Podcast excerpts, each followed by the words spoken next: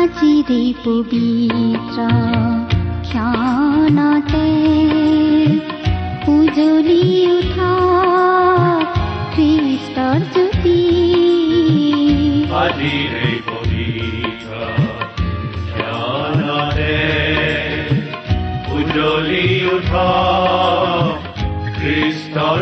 ভক্তিবচন অনুষ্ঠানৰ মজিয়ালৈ আপোনাক স্বাগতম প্ৰিয় শ্ৰোতা।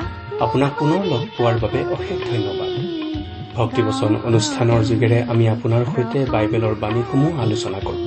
এই বাণীসমূহ ঈশ্বৰৰ নিশ্বাসীৰ বাক্য। এই বাক্যই আমাৰ চৌপাশে থকা সকলোবোৰ দৃশ্য অদৃশ্য অনেক বিষয়ৰ সৃষ্টি কৰিলে। এই বাক্যই মানুহৰ জীৱন। প্ৰভু যীশুৱে কৈছিল মানুহ কেৱল পিঠাৰে নিজিয়ে কিন্তু ঈশ্বৰৰ মুখৰ পৰা ওলোৱা বাক্যেৰেহে জীৱ। সঁচাকৈয়ে শৰীৰটো নিমিত্তে আমি ভাত পানী ফল মূল খাব লাগে। সেয়াই ঈশ্বৰেই আমালৈ দিছে। কিন্তু আমাৰ আত্মিক আহাৰ ঈশ্বৰৰ বাক্য যদি আমি গ্ৰহণ নকৰো তেন্তে আমাৰ আত্মিক জীৱনটো মৰি যাব। সেইকাৰণে আমি নিয়মিত ঈশ্বৰৰ বাক্য ভক্তিবচনৰ যোগেৰে প্ৰচাৰ কৰি আছো যাতে আপুনি এই বাক্য গ্ৰহণ কৰি ঈশ্বৰৰ জীৱনত জীয়াই থাকিব পাৰে। আহক আজি আকৌ ঈশ্বৰৰ জীৱনদায়ক বাক্য ভক্তিবচন শুনো। হেৰা মন দেহাৰ ভৰসা নাই দুদিনীয়া মানৱ জীৱন দুদিনীয়া মানৱ জীৱন আজি আছো কালি নাই। ও হেৰা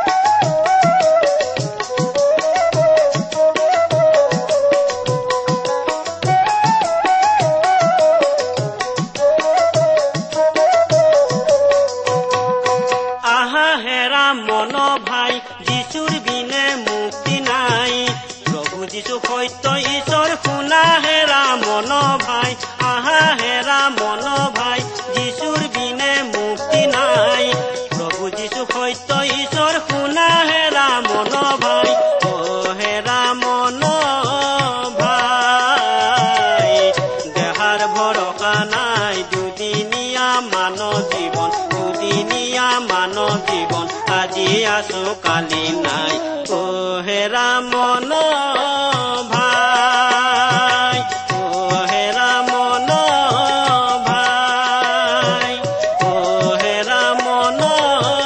ভাই আমাৰ মহান ত্ৰাণকৰ্তা প্ৰভু যীশুখ্ৰীষ্টৰ নামত নমস্কাৰ প্ৰিয় শ্ৰোতা।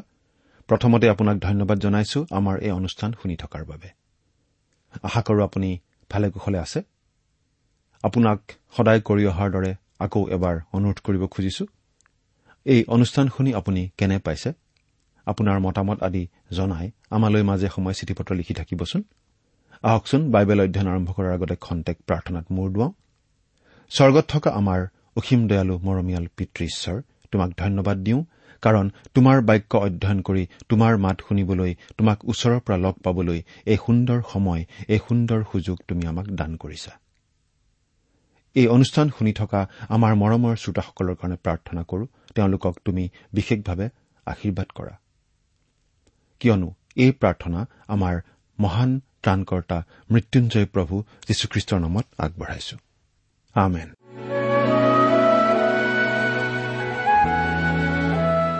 প্ৰিয় শ্ৰোতা আপুনি বাৰু আমাৰ এই ভক্তিবচন অনুষ্ঠানটো নিয়মিতভাৱে শুনি আছেনে? যদিহে শুনি আছে তেনেহলে আপুনি এই কথা নিশ্চয় জানে। যে আমি আজি ভালেমান দিন ধৰি বাইবেলৰ পুৰণি নিয়ম খণ্ডৰ যিচয়া ভাওবাদীৰ পুস্তকখন অধ্যয়ন কৰি আছো। নহয় জানো? যোৱা অনুষ্ঠানটো আপুনি শুনিছিল নে যোৱা অনুষ্ঠানত আমি এই যিচয়া ভাওবাদীৰ পুস্তকৰ দহ নম্বৰ অধ্যায়ৰ ঊনৈশ নম্বৰ পদলৈকে পঢ়ি আলোচনা আগবঢ়াইছিলো। গতিকে আজি আমি এই যিচয়া পুস্তকৰ দহ নম্বৰ অধ্যায়ৰ বিশ নম্বৰ পদৰ পৰা আলোচনা কৰিবলৈ আগবাঢ়িছো।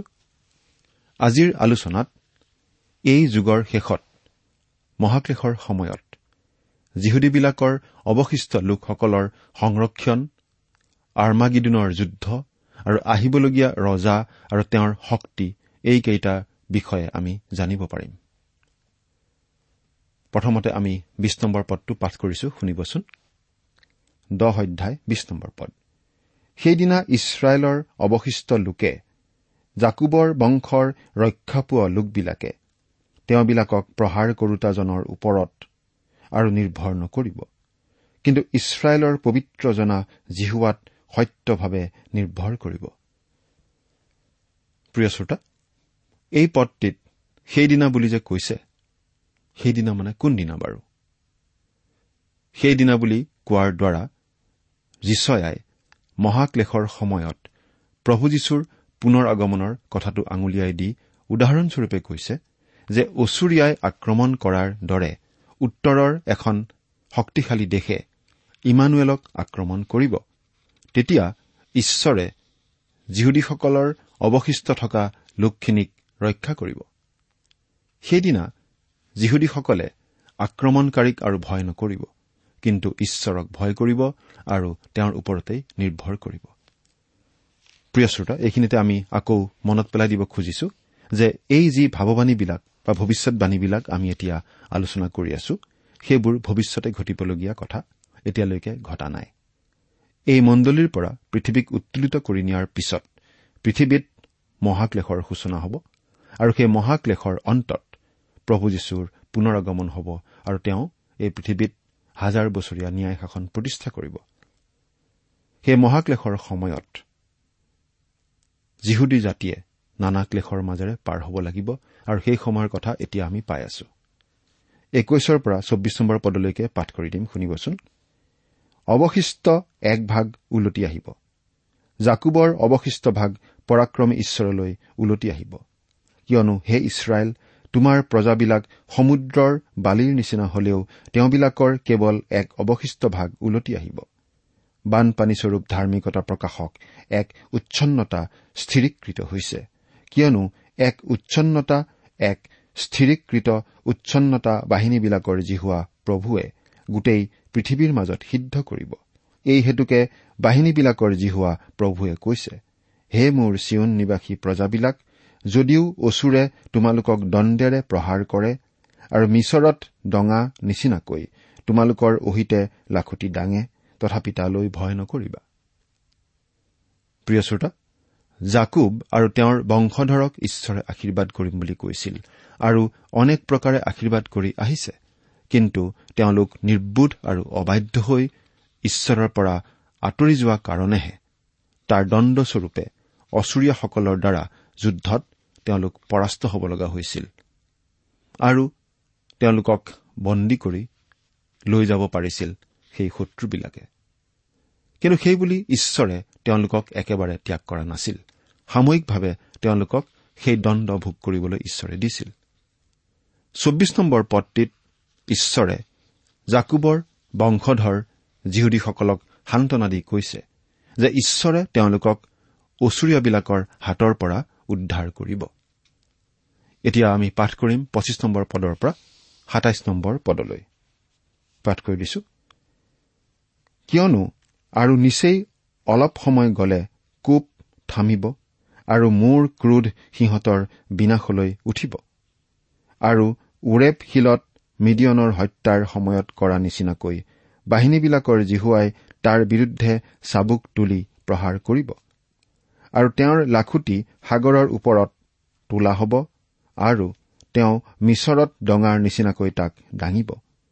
সেইদিনা তোমাৰ কান্ধৰ পৰা তাৰ ভাৰ আৰু তোমাৰ ডিঙিৰ পৰা তাৰ জুৱলি খহি পৰিব আৰু তেল বৃদ্ধিৰ কাৰণে জুৱলি ভাগি যাব। প্ৰিয় শ্ৰোতা অচুৰীয়াহঁতে যিহুদীসকলক বন্দী কৰি নি নিশ্চয় তেওঁলোকৰ হতুৱাই ভাৰ বোৱাই কাম কৰাই যথেষ্ট কষ্ট দিছিল। এই কষ্টৰ পৰা যে ঈশ্বৰে তেওঁলোকক অতি সোনকালে উদ্ধাৰ কৰিব সেই কথাটো জানিবলৈ দিছিল। আকৌ কিদৰে উদ্ধাৰ কৰা হ'ব তাৰ উপমা স্বৰূপে মিছৰীয়াৰ হাতৰ পৰা ঈশ্বৰে তেওঁলোকক উদ্ধাৰ কৰাৰ দৰে অচুৰীয়াসকলকো প্ৰহাৰ কৰি তাৰ পৰা তেওঁলোকক উদ্ধাৰ কৰিব এই বুলি জানিবলৈ দিছে। আমি ইতিমধ্যে পাই আহিছো মিছৰ দেশত ইছৰাইলৰ লোকবিলাক কেনেদৰে বন্দী হৈ আছিল কিমান তেওঁলোকে দুখ কষ্ট সহিব লগা হৈছিল আৰু কেনেদৰে ঈশ্বৰে আচৰিত ধৰণে তেওঁলোকক মিছৰ দেশৰ পৰা উদ্ধাৰ কৰি আনিছিল। ঠিক তেনেদৰে যদিও অচুৰীয়াসকলৰ হাতত তেওঁলোকক বন্দী হবলৈ দিছিল অচুৰীয়াসকলৰ হাতৰ পৰা উদ্ধাৰ কৰিব বুলি ঈশ্বৰে জনাই দিছে। এতিয়া আঠাইছৰ পৰা বত্ৰিশ পদলৈকে পঢ়ি দিম। সি অয়ত পালেহি মিগ্ৰুণৰ মাজেদি আহিল। সি মিকমচত নিজ মাল থলে। সিহঁতে দুৰ্গম পথ পাৰ হল। সিহঁতে গেবাত ৰাতি কটালে। ৰামা কঁপিছে। চৌলৰ গিবিয়া পলাইছে। হে গল্লিম জীয়াৰী তুমি বৰকৈ চিঞৰা। হে লইছা হে দুৰ্ভগীয়া অনাথোত কাণ পাতা। মদমেনা পলৰীয়া। গেবিম নিবাসী পলাবলৈ গোট খাইছে। সি আজিয়েই নুবত ৰব। সেই ঠাইত সি চিউন জীয়াৰীৰ পৰ্বতৰ অহিতে জিৰচালেমৰ গিৰিৰ বিৰুদ্ধে নিজৰ হাত জোকাৰিছে। এই পদকেইটিৰ যোগেদি যিচয়াই পুনৰ সেই দিনৰ অৰ্থাৎ মহাক্লেশৰ কালৰ কথা কৈছে। এইটো যিচয়াৰ এটি বিশেষ ভৱিষ্যৎবাণী ইয়াত নিৰ্দিষ্ট ঠাই কিছুমানৰ ভৌগোলিক অৱস্থানবিলাক দেখুওৱা হৈছে। মন কৰিবলগীয়া কথা যে এই আটাইবোৰ ঠাই জিৰচালেমৰ উত্তৰে আছিল। অচুৰীয়াসকলে যিহুদিয়াক আক্ৰমণ কৰিবলৈ আহোঁতে ইয়াত উল্লেখ কৰা পথবিলাকেৰে তেওঁলোক আহিছিল। এগৰাকী বিখ্যাত বাইবেল পণ্ডিতৰ মতে শেষৰ কালত আক্ৰমণকাৰী দেশ যাক বাইবেলত মাগুক বুলি কোৱা হৈছে সেইখন দেশ উত্তৰৰ পিনে থকা এখন অতি শক্তিশালী দেশ হ'ব আৰু ইও উত্তৰৰ পৰা একে পথেৰেই আহিব। এতিয়া ইয়াত উল্লেখ কৰা ঠাইবিলাকৰ অৱস্থানবোৰ মন কৰক। অয়ত হ'ল জিৰচালেমৰ প্ৰায় পোন্ধৰ মাইল উত্তৰে। মিগ্ৰুণ হ'ল অয়তৰ দক্ষিণে য'ত জোনাথনে পলেষ্টিয়াসকলৰ ওপৰত জয়লাভ সাব্যস্ত কৰিছিল। গেবা আৰু ৰামা হ'ল জিৰচালেমৰ প্ৰায় ছয় মাইল উত্তৰে। অনাথোত আছিল জিৰচালেমৰ প্ৰায় তিনি মাইল উত্তৰে। এই ঠাইতেই জিৰিমিয়া ভাওবাদীৰ ঘৰ আছিল। লইছা হ'ল পলেষ্টিয়াৰ একেবাৰে উত্তৰে। মদমেনা আছিল জিৰচালেমৰ জাবৰ জোঁথৰ পেলোৱা ঠাই। সেইদৰে গেবিমো জিৰচালেমৰ উত্তৰে। একেবাৰে শেষত নুবৰ কথা কোৱা হৈছে। ই জিৰচালেমৰ অতি ওচৰত আৰু ঠিক উত্তৰে। জিৰচালেমৰ পৰা এই নুব ঠাইখন দেখা পায়। উত্তৰৰ শত্ৰুৱে যে এইবিলাক পথেৰে জিৰচালেম আক্ৰমণ কৰিব তাক স্পষ্টকৈ দেখুওৱা হৈছে। এতিয়া তেত্ৰিশ নম্বৰ পদটো পাঠ কৰি দিম। চোৱা বাহিনীবিলাকৰ জিহুৱা প্ৰভুৱে ভয়ানক ৰূপে ডাল কাটি পেলাব আৰু অতি দীঘল কেইজোপাক ছেদন কৰা হ'ব আৰু ওখবোৰক মাটিৰ সমান কৰা হ'ব। প্ৰিয় শ্ৰোতা ইয়াত স্পষ্টকৈ কোৱা হৈছে যে প্ৰভু যীশুখ্ৰীষ্টৰ পুনৰ আগমনত তেওঁ শক্তিশালী আৰু মহাজাতিবিলাকক প্ৰহাৰ কৰি চুৰমাৰ কৰিব আৰু নিজ লোক ইছৰাইলক উদ্ধাৰ কৰিব। এতিয়া চৌত্ৰিশ নম্বৰ পদটো পঢ়িম। আৰু তেওঁ লোহাৰে কাঠনিৰ অতি ঘন গছবোৰ কাটি পেলাব আৰু পৰাক্ৰমী এজনাৰ দ্বাৰাই লিবানুন পতিত হ'ব। ইয়াত পৰাক্ৰমী এজনাৰ দ্বাৰাই যীশুখ্ৰীষ্টকেই বুজোৱা হৈছে। দ্বিতীয় আগমনত তেওঁ অতিশয় পৰাক্ৰমী হৈ আহিব আৰু যুদ্ধ বিগ্ৰহ সকলো নিপাত কৰিব। আনকি উত্তৰৰ পৰা অহা শত্ৰুকো তেওঁ পৰাভূত কৰিব। প্ৰিয় শ্ৰোতা দহ নম্বৰ অধ্যায়ৰ আলোচনাটি আমি ইমানতেই শেষ কৰিছো হওক। আৰু এতিয়া এঘাৰ নম্বৰ অধ্যায়লৈ আগবাঢ়ো। এই এঘাৰ নম্বৰ অধ্যায়ৰ মূল বিষয়টো হৈছে দ্বিতীয় আগমনত ৰজাস্বৰূপে প্ৰভু যীশুখ্ৰীষ্টৰ ব্যক্তিত্ব আৰু শক্তি। প্ৰভু যীশু আকৌ আহিব। আৰু এই পৃথিৱীত তেওঁৰ হাজাৰ বছৰীয়া ন্যায় শাসন প্ৰতিষ্ঠা কৰিবহি। প্ৰভু যীশুৱে যি ৰাজ্য স্থাপন কৰিব তাৰ উদ্দেশ্য আৰু আঁচনিৰ কথাও আমি পাওঁ। এইকেইটা ভৱিষ্যৎবাণীও জীচয়াৰ দ্বাৰা ৰজা আহজৰ দিনতেই কৰা হৈছিল। এতিয়া আমি এক নম্বৰ পদটি পাঠ কৰিছো শুনিবচোন। এঘাৰ নম্বৰ অধ্যায়ৰ এক নম্বৰ পদ। জীচয়ৰ মূঢ়াৰ পৰা এটি পোখা ওলাব আৰু তেওঁৰ শিপাৰ পৰা এটি গজালি ওলাই ফল ধৰিব। প্ৰিয় শ্ৰোতা জীচয়ৰ মূঢ়াৰ পৰা এটি পোখা ওলাব বুলি কোৱা কথাষাৰ মন কৰিবলগীয়া। যীশুখ্ৰীষ্টই ডায়ুদৰ সিংহাসন স্থাপন কৰিব যদিও ইয়াত ডায়ুদৰ নামটো উল্লেখ নকৰি তেওঁৰ পিতৃ জীচয়ৰ নামটোহে উল্লেখ কৰা হৈছে। ইয়াৰ কাৰণ হ'ল যীশুখ্ৰীষ্টৰ ৰাজকীয় বংশটি ডায়ুদৰ পৰাহে আৰম্ভ হৈছিল। কিন্তু জীচয় এজন সাধাৰণ খেতিয়ক আছিল। আৰু বৈতলেহেম নামৰ সৰু ঠাইখনত জীচয় বাস কৰিছিল।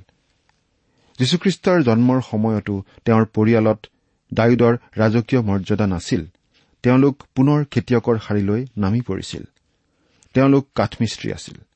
সেইকাৰণে জীচয়াই অতি সাৱধানতাৰে কৈছে যে জীচয়ৰ মূঢ়াৰ পৰা এটি পোখা ওলাব। পোখা মানে হ'ল জীৱন্ত গজালি।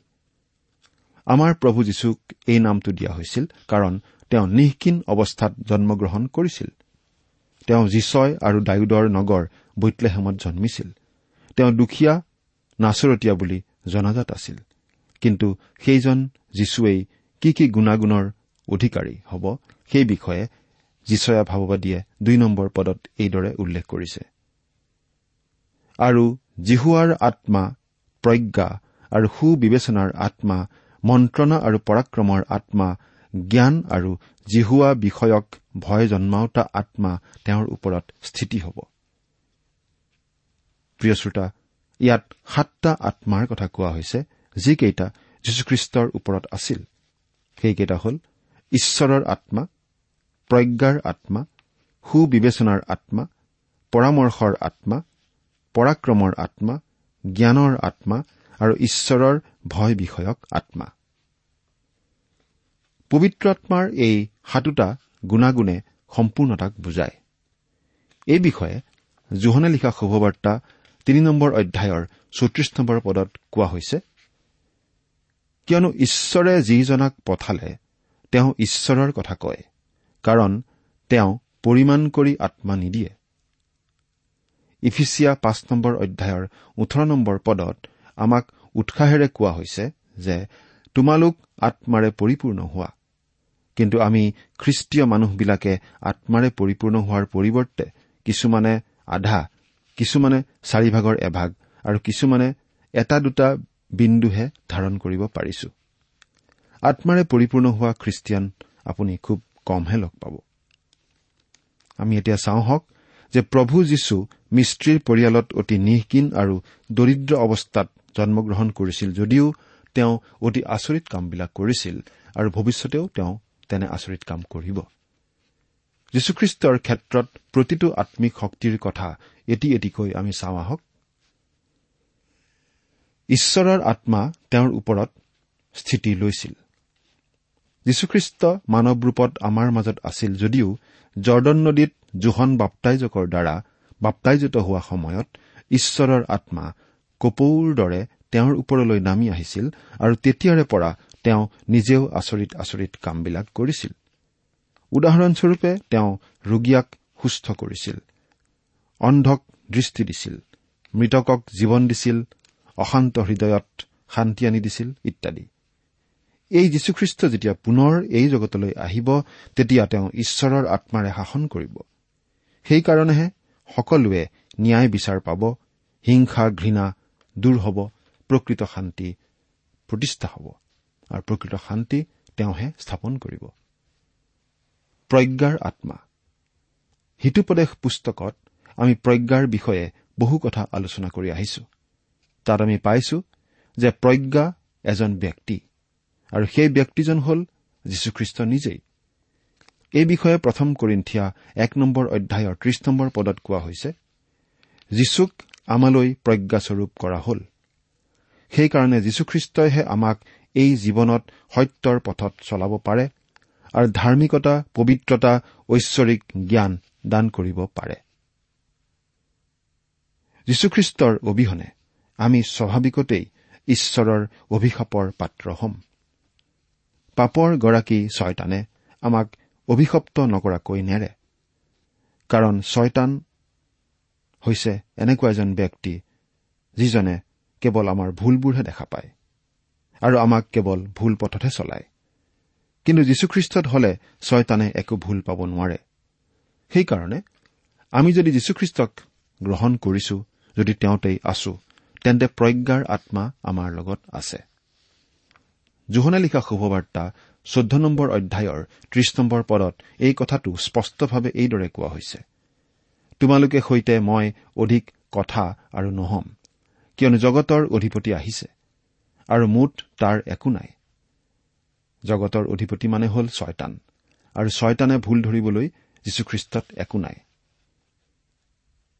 তিনি নম্বৰতে হৈছে বিবেচনাৰ আত্মা।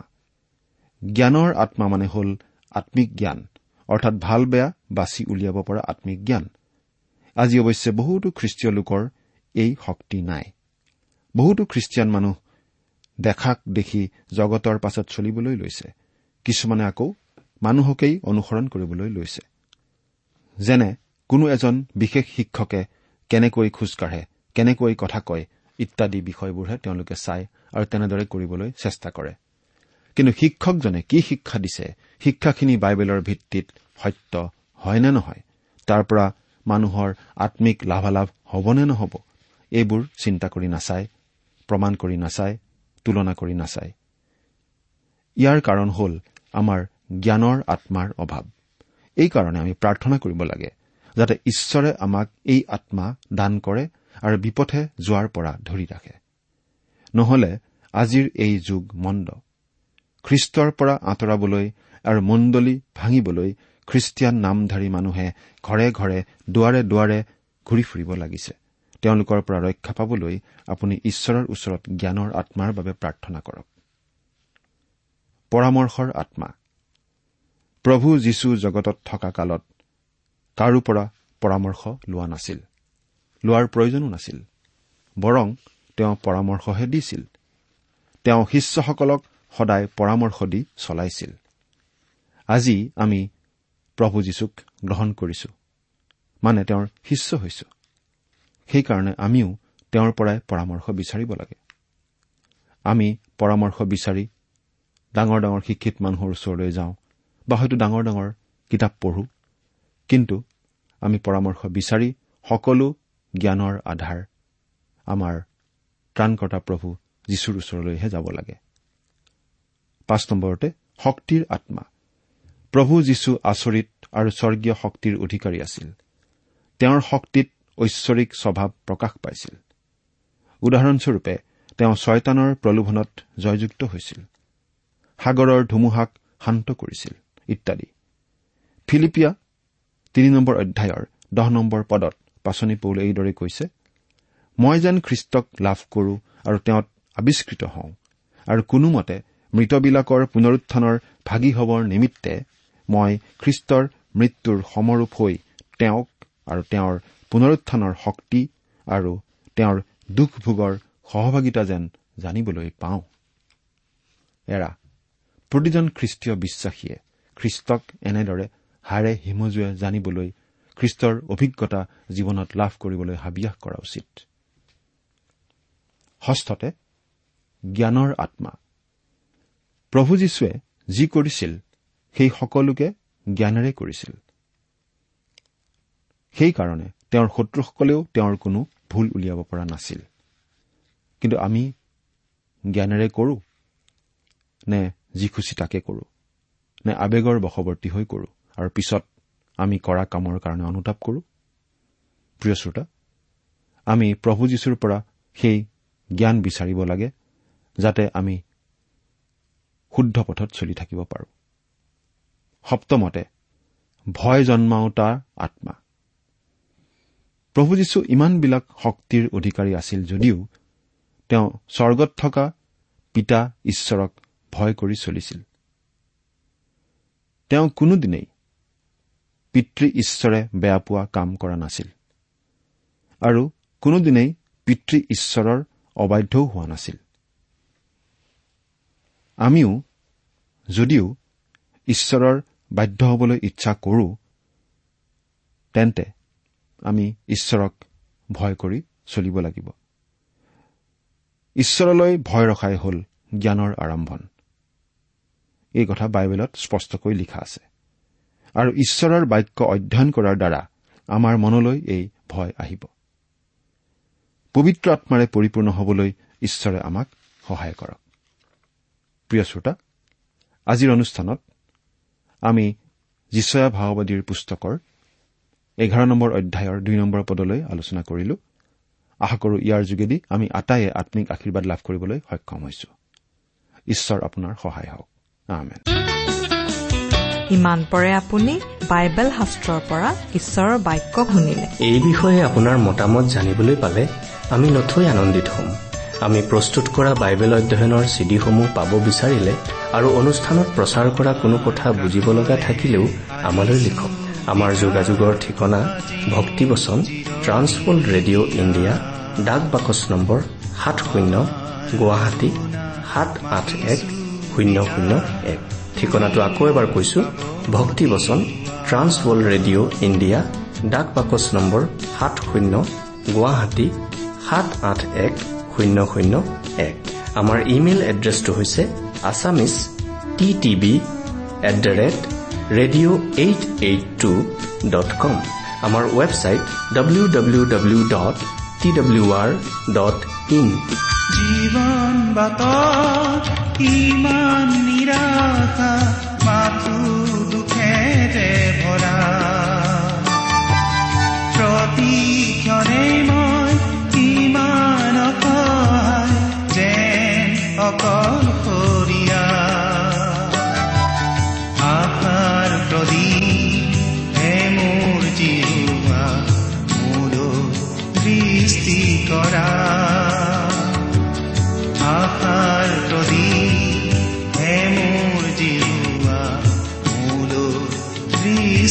কৰা তোমাৰ কাষলে আহিছো পিতা আজি মোক জিৰণি আপুনি টেলিফোনৰ মাধ্যমেৰেও আমাক যোগাযোগ কৰিব পাৰে। আমাৰ টেলিফোন নম্বৰটো হৈছে nine eight five four zero' four zero' eight eight nine. Phone নম্বৰটো আকৌ এবাৰ কৈছো ন আঠ পাঁচ চাৰি শূন্য চাৰি শূন্য আঠ আঠ ন। আপুনি এই ভক্তিবচন অনুষ্ঠানটি আমাৰ website W W W dot radio' eight eight two dot কমতো শুনিব পাৰিব। আজিৰ অনুষ্ঠানটি ইমানতেই সামৰিছো। ঈশ্বৰৰ শান্তি আৰু অনুগ্ৰহ আপোনাৰ লগত থাকক। ধন্যবাদ। মোৰে জীৱন আজি সপিলো যিছু তোমাৰে কাষ। প্ৰতিশ্ৰুতি মোৰ তোমাৰ চৰণত চলিম তোমাৰে পথ। মাথো আজি তোমাৰ প্ৰেমেৰে জীৱন পূৰ্ণ কৰা। মাথো আজি তোমাৰ প্ৰেমেৰে জীৱন পূৰ্ণ কৰা। তোমাৰ কাষলে আহিছো পিতা আজি মোক জিৰণি দিয়া। তোমাৰ কৰোণা মাগিছো পিতা তুমি মোক সাৱতি লোৱা তোমাৰ কাষলে আহিছো পিতা আজি মোক জিৰণি দিয়া। তোমাৰ তোমাৰ কৰোণা মাগিছো পিতা তুমি মোক সাৱতি লোৱা তুমি মোক জিৰণি দিয়া। তুমি মোক সাৱতি লোৱা